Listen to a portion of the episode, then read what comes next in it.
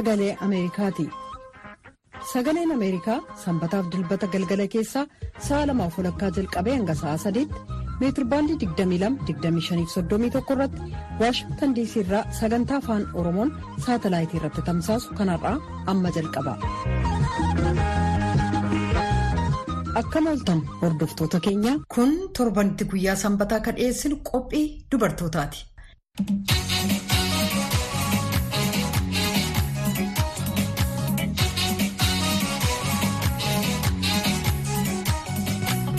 Hordoftoota keenyaa qophii dubartootaaf maatii kanarraa irratti dubartoonni Paakistaan konyaa Punjaab ganda Doonaal jedhamu haala isaan filannoo keessatti itti hirmaatan ilaalchisuudhaan kan oduu gabaastuun VOA Saaraa Zumaan gamasee ergiteen jalqabna.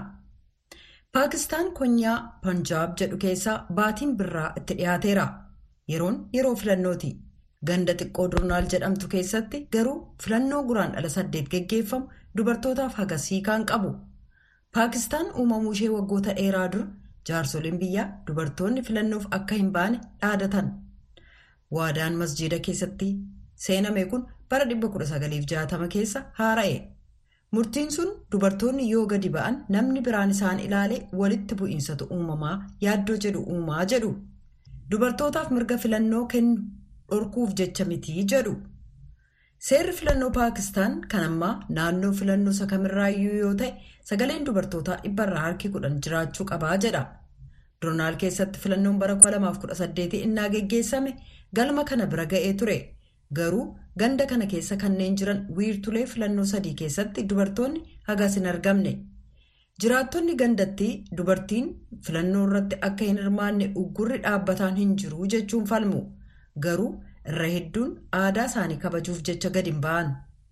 Dubartoonni hangi tokko kan ofii isaanii mul'isuu barbaanne akka jedhanitti huccuu miiccuu, nyaata bilcheessuu fi mana qulqulleessuu qabna. Dubartootaaf uffatanii filannoof gabba'uun hin eeyyamamuu jedhu. Kun waa gaarii miti jedhaniiru. Kanneen biroon gadi ba'anii filachuu barbaadan nama haamilee isaan cimsullee akka isaan barbaachisu dubbatu. Saaminaas jedhamti barsiiftuudha. Filachuu nan barbaada garuu kaan hin deeman yoo ta'e maalan godha. Fakkeenyaaf har'a xiqqoo keenyatu asitti wal ga'e dubartoota aangoo mootummaaf dorgomuu barbaadan. Yaada keenya isaan waliin hirmaachuu dandeenyaa jetti. Kana dhiirota waliin mari'achuu hin dandeenyu jetti. Paartiliin siyaasaa Paakistaan filannoo biyyoolessaa irratti kaadhimamtoota isaanii keessaa yoo xiqqaate dhibbarraa harki shan dubartoota akka ta'antu eegama. Dubartoota siyaasa keessatti hirmaataniif manneen maree biyyoolessaaf naannoo keessatti ituun dorgomiin barcummi ni kennamaaf. Garuu ammayyuu taanaan dubartoonni filannoo Paakistaan keessatti hirmaatan lakkoofsi isaanii gadaanaa ta'uu dhokkoo uumee jira. Dhaabbati mirga dubartootaaf falmu kan Awuraat Faawundeeshin jedhamu haala kana jijjiiruuf hojjetaa jira. Komishinni filannoo hedduu hojjeteera. Filannoo saalaa irratti hundaa'e ilaalchisee hordoffii geggeessaa jira. Damee komee dhaggeeffatus dhaabeera. Garuu daran irratti fuulleffachuun kan irra jiraatu paartileen siyaasaa attamiin nama dadammaqsuu ka jedhu jedha dhaabbatichi. Karoora waggoota shanii baasuu qabu. Doonaal keessaa dubartoota dadammaqsuun kaadhimamaa sana gatii baasisuu danda'a. Kaadhimamtoonni dhiirotaa akka jedhanitti yoo aadaa jiru cabsine ta'e sagalee nama nuu kennuu dhabna. Adde Soofiyaa Piibii mana barnootaa mootummaatii barsiisu. Gama poostaan erguudhaan sagalee kennan. Filannoo bara 2018 irratti aangawaatu filannoo ta'uun tajaajilaniiru.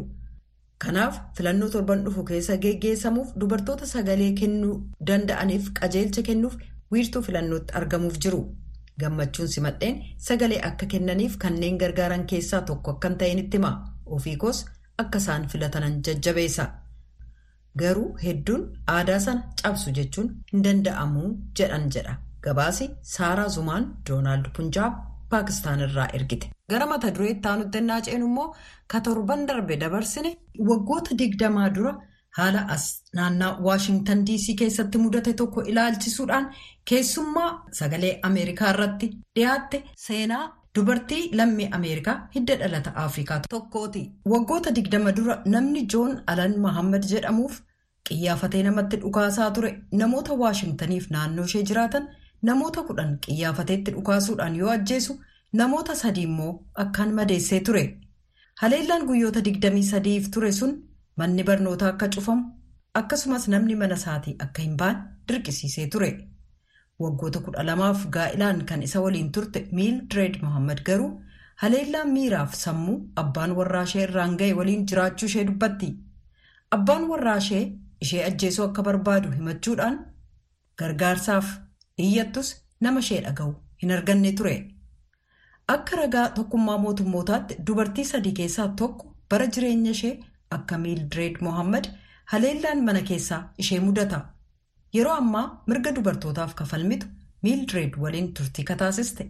Waahilli keenya simmanyi ishee qoyyee haleellaan mana keessaa kan irra ga'u dubartoonni dhiibbaa isaan irra ga'uuf mala ittiin miidhaa sanarraa dandammachuu danda'an ilaalchisee haasofsiistee jirti. Waashintan DC keessatti qiyyaafatee nama dhukaasu jedhamuun ka beekamu abbaan warraa kee namni martinuu beeku yookaan yaadachuu waan hin dandeenyeef mee waa'ee ofii keetii nutti himi. Gaa'ila ati Joon Alan Mahammad waliin qabdu maal fakkaata ture jettee simmanyish gaaffii gaafatteef Miildireed innaa deebistu. Miildireed Mahammadin jedhama. Namni hedduun qiyyaafatee ka dhukaasu nama DC jechuun kan isa beeku haadha manaa Joon Alan Mahammadin ture. Waggaa kudha lamaaf gaa'ila dhaabnee waliin turre. Ijoollee sadiis qabna. Joon Alan nama loltuu qiyyaafatee dhukaasuudhaan leenji'e ture. innaa iraaq kuweetiin weerarte kan yuunaayitid isteetsi geggeessite duula desert storm jedhamuun beekamu irratti hirmaatee erga galee garuu nama kabiraa ta'e sana dura nama bashannanuu jaallatu namoonni isaa waliin ooluu nama barbaadan nama gammadaa ture achi innaa deebi'u garuu cal jedheessa ta'e golee qabatee taa'e maal taate? jedhee innaan gaafadhu. Deebii nagaadha jedhu qofaa naa deebisa. hojiisaas dhaabee dubartoota kabiroo waliin hariiroo qabaachuu jalqabe. Kanaaf akka inni na hiikuun gaafadhe. Manaas akka inni ba'uun godhe. Garuu furtuu mana koo waan qabuuf yeroo ani ittiin eegnetti dhufa ture jette jalqabarra abbaa warraa gaarii erga ture. Hookkarri mana keessaa kun attamittiin jalqabe jalqabuusaa duroo mallattoo akeekkachiisaan ni agarsiise jira jechuun gaaffii simmanyish haadha warraa joon alan mahammad miildireed mohammadiif dhiyeessiteef innaa deebistu? Mallattoo guddaan ni ture. Ati diina kooti jechuu innaan ni jalqabu. Diina koo waan taateef sinajjeesaa naan jedhaa ture. Akkana hiikuuf ergan gaafadhee booda mana dhufee na arrabsaa utuu natti himinis lakkoofsa bilbila mana kooti jijjiira. Poolisiitti iyyadhee natti akka fagaatu ajaja mana murtiin baase garuu ijoollee waan qabnuuf isaaniin dubbisuu dhufa. yeroo tokko tokkos ijoolleetti fudhatee hin deebisu jette. Haalli isaa waan nama sodaachisu fakkaata. Yaada simmanyish dhiyeessite ture? Miildireed innaa deebistu? Baay'ee. Rakkoonni guddaanis isa ture. Yeroo mara haala nama sodaachisu ture. Garuu eenyuyyuu na gargaaruu hin dandeenye. Sababiinsaas haleellaan narra ga'uusaa mallattoon mul'isu qaama koorra waan hin turreef. Hawaasi keenya immoo rakkoon uumamuusaa hubachuuf waa arguu barbaada. qaamarra godaannis hin jiru taanaan miidhaan waan hin jirre itti fakkaataa jette. Kanaaf haleellaan sirratti utuu raawwatu garuu immoo qaama keerra godaannis waan hin jirreef amanamuu dhabuu keef siif ijoollee keerratti dhiibbaan uume maal fakkaata miildireed akkas jette. Ijoolleen koo yeroo sana umuriin isaanii daa'imman waggaa torbaa saddeetiif kudhanii turan. Kanaaf haala jiru keessa akka isaan hin seenne nan yaalan ture. garuu sanbataaf dilbata isaan arguu innaan dhufutti fudhatee ituun deebiseen hafe. Akka isaan hin argineef maqaa isaanii jijjiiree ameerikaadha ala bakka antiigaa jedhamutti isaan geesse. Hamma isaan argamanitti eessatti akka inni isaan geesse eessa akka jiran hin beekun ture. Eenyuun akka hin gaafadhullee hin beekun ture.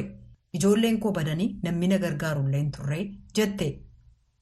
Egaan ijoollee dhabuu jechuun waan baay'ee cimaadha sana mara keessa erga darbite. akka inni si hiiku erga gaafattee booda diisii naannoo isheetti nama ajjeesuu jalqabuusaa innaa dhageessu miira akkamiitu sitti dhaga'ame gaaffii simmanyish ture.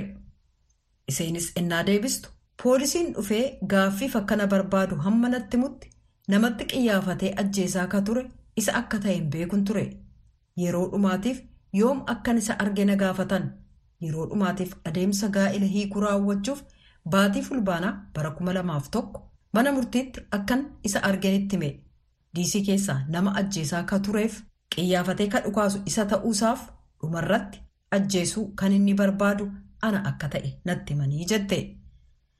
Kanaaf sirratti qiyyaafatee namoota naannaa kee turan ajjeesaa ture jechuudha. Gaaffii jedhuuf sirriidha. Jalqaba hanga poolisiin natti himee bakka nageenyi koo eegamutti nageessutti hin beekun ture. Sun ta'ee guyyaa lama booda kan inni qabame jette.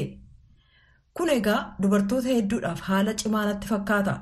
Waggoota hedduudhaaf namni ati waliin jiraatte abbaan ijoollee keetii si dararuurra darbee haala kanaan nama ajjeesuusaa hubachuun haala baay'ee cimaa waan ta'eef sana attamitti keessa akka dabarte innaa ibsitu.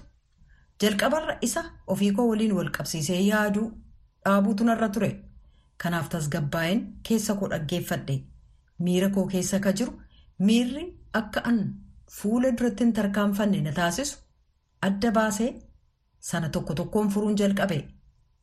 Sana kanan godheef nageenyi akkanatti dhaga'amu deebisee nama gammadduu ta'ee ijoollee koo guddisuu akkan danda'uuf jecha. Amma dubartoota kabiroo kanan gorsu isa kana. Keessumaa dubartoota badii akka dalaganitti itti dhaga'amu hiikaa balleessaa qabaachuu hamma hubatanitti haa qoratan. Waan ta'etti boo'anii miira isaanii erga dhaggeeffatanii booda nama haleellaa irratti raawwate waliin kan isaan wal qabsiisu miira akka waan badii dalaganii itti dhageessisu irratti hojjechuu qabu. Sana booda immoo haala isaan qaanfachiisu miira sana keessaa ba'uuf hojjechuu qabu. Sana goonaan haala uumame sanatti gadduuf boo'uu ni dhaabu. Kun qaama fayyina namni baay'een hin hubannedha. Al tokko nutuun taan fayyina suuta jedhee dhufudha jette. Mee waa'ee gaaddisa seeraa argachuu dubbanna. Marii simmanyish waliin geggeessan innaa itti fufan ati innaa haleellaan sirra ga'e gaaddisa seeraa argachuuf yaaltee turte garuu furmaatan arganne. Kanaaf seerawwan sadarkaa addunyaaf seerawwan kabiroon jiraachuu qofti hokkara mana keessatti raawwatamu dhaabuuf ga'a miti. Deebiin ishee dubartoota hokkarri mana keessatti irratti raawwatuuf adeemsi murtii haqaa walxaxaaf rakkisaadha. Haleellaan qaamaa isaan irratti raawwate mul'atullee yeroo tokko tokko adeemsa baasii guddaa baasu ta'a.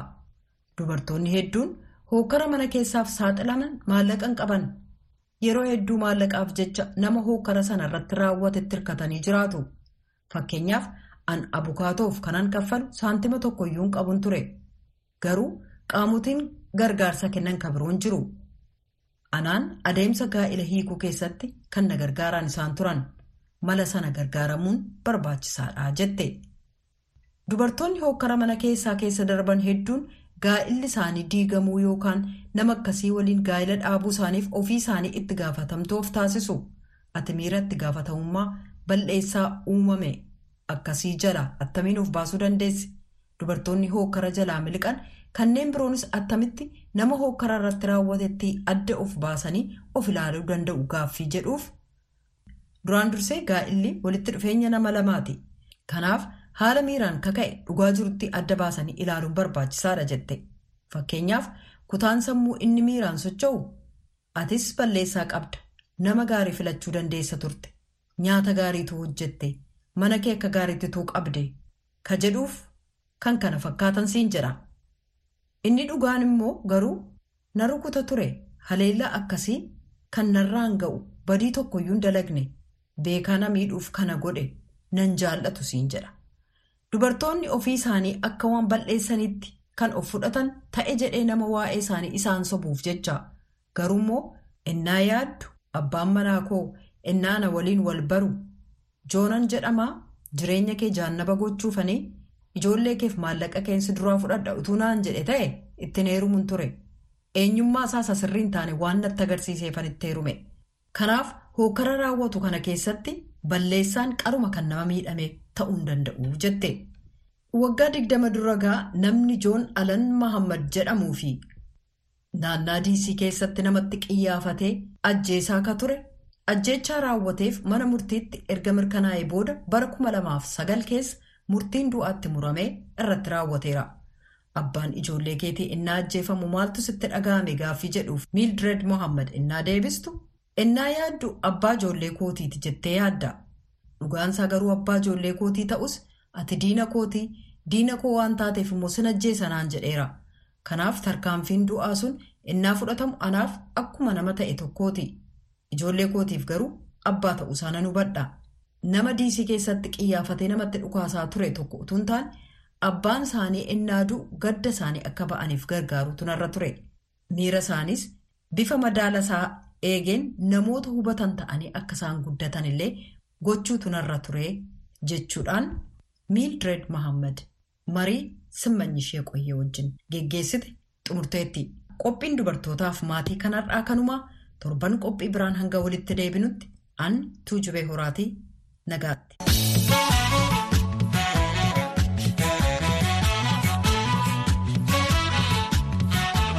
Kun qophii dhandhamanna muuziqaati.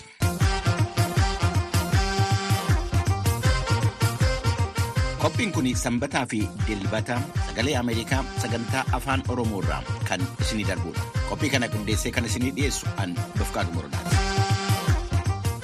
Qophii keenya galgala kanaa kan jalqabnu sirba tuulamarraa arganneedha. Biraanuutu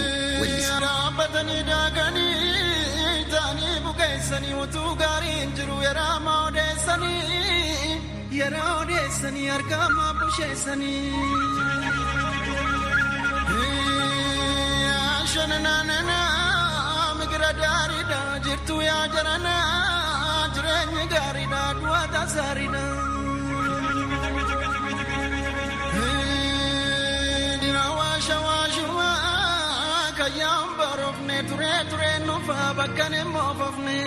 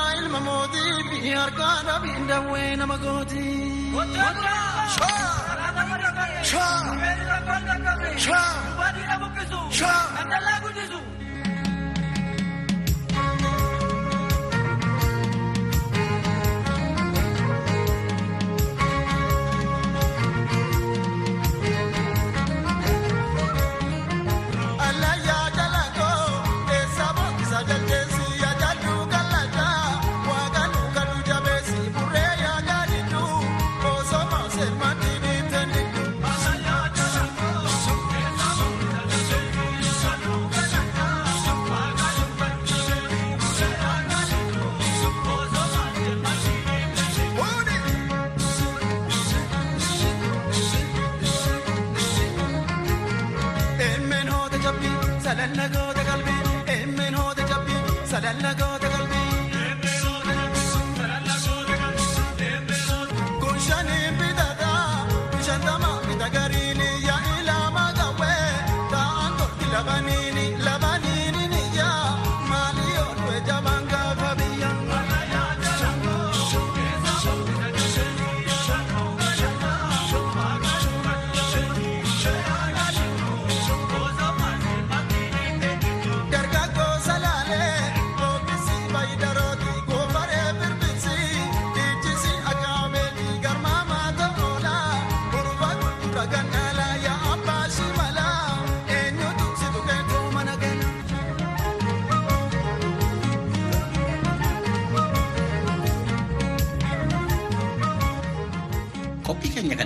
keessatti sirbootaan artistoota Oromootiin sirbamanii alattis kanneen artistoota biyya alaatiin sirbaman isin dhageessifna. Seenaa sirbitoota sanaatii fi sirboota isaaniis darbinee darbinee gurra siin buufna. Har'aa fi sirbituu biyya Ameerikaa maqaa Aliishaa Kii jedhamuun beekamtu harkaa qabna.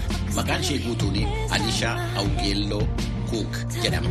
Amajjii 25 bara 1981 kutaa Niiwoorkii keessatti dhalatte. Abbaan ishee gurraacha, haati ishee immoo xaaliyaanii fi ingilizii wal makaadha. Yeroo ammaa umuriin ishee waggaa 43. Sirbituu ta'uun ishee kan irratti barame yommuu mucaa waggaa 12 turteedha. Waggaa 15ffaa isheetti sirboonni ishee gabaadhaa fi waraabamuu jalqabaman. Bara 2007 albeemiin sirba ishee sadarkaa addunyaatti miiliyoonii 41tu gurgurame. Badhaasa Ameerikaa keessatti artistootaa fi kennamuu fi giraamii jedhamee beekamu yeroo 14 mootee jirti. Badhaasawwan gurguddoo biroos yeroo hedduu mooteetti. Har'a sirboottan ishee jaallatamoo ta'an keessaa tokko kan ta'e onnee cabee wajjin rafuu isa jiru dhaggeeffanna. Waa'ee jaalallee ishee fageenyarra jiruu fi halkan isa yaadaa ciisuu isheetii kan sirbite.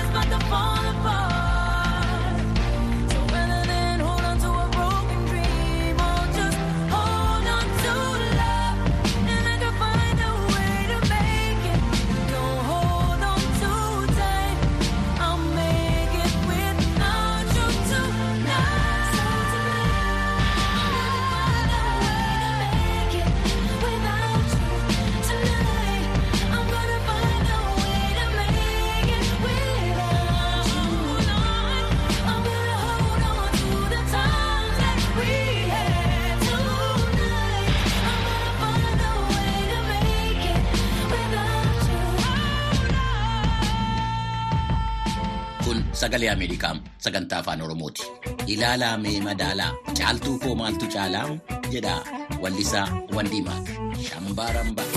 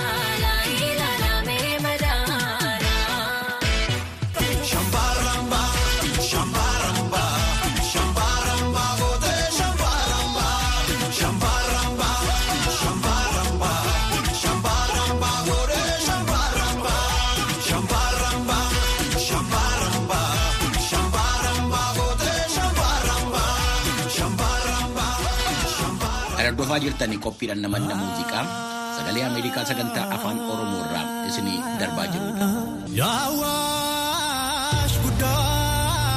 Wallisaa Yoonaan Buruukee laga Awaashiin faarsa.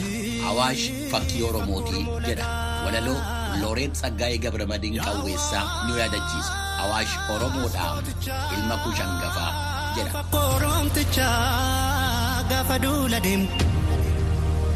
Gaafa duula deemuu fedhu haalicha awwaash garraamticha awwaash garraamticha fakkoo oromticha dheebota obaase laate kubse bulcha awwaash awwaash oromoodha ilma kushangafa oromoodha awwaash baduun isaa fafa. Hinguu awwaash hinguu kaa beektu hin badu lammiin haqa isaan dhaalee ammas caalee biyya ijaaraa walooma tole. Egaa dhaalee ammas caalee biyya ijaaraa walooma tole. Egaa caalee hundaa dhaalee irra garmaama abbaan dhaalee.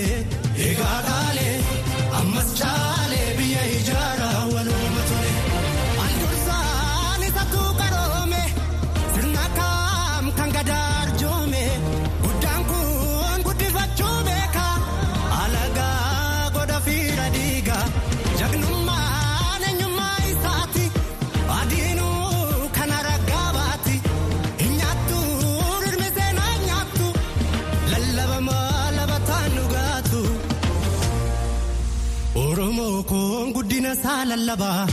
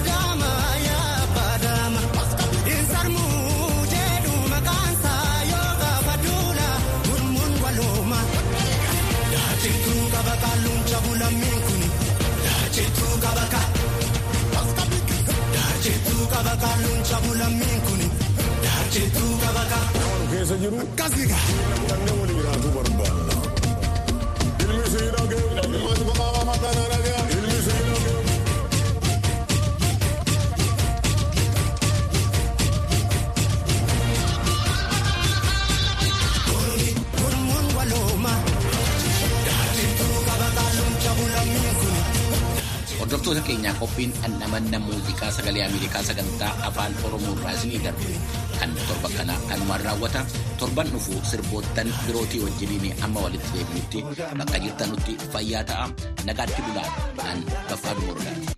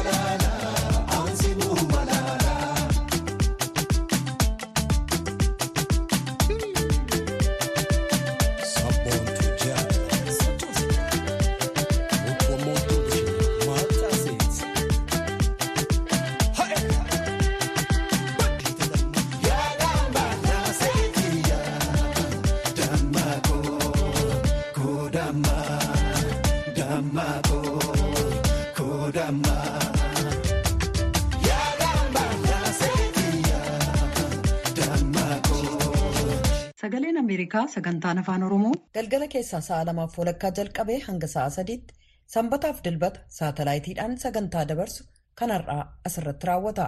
Kan isin keessummeesse Antuu Jubee Horaatii qophii boriin walitti deebinaa nagaatti bulaa.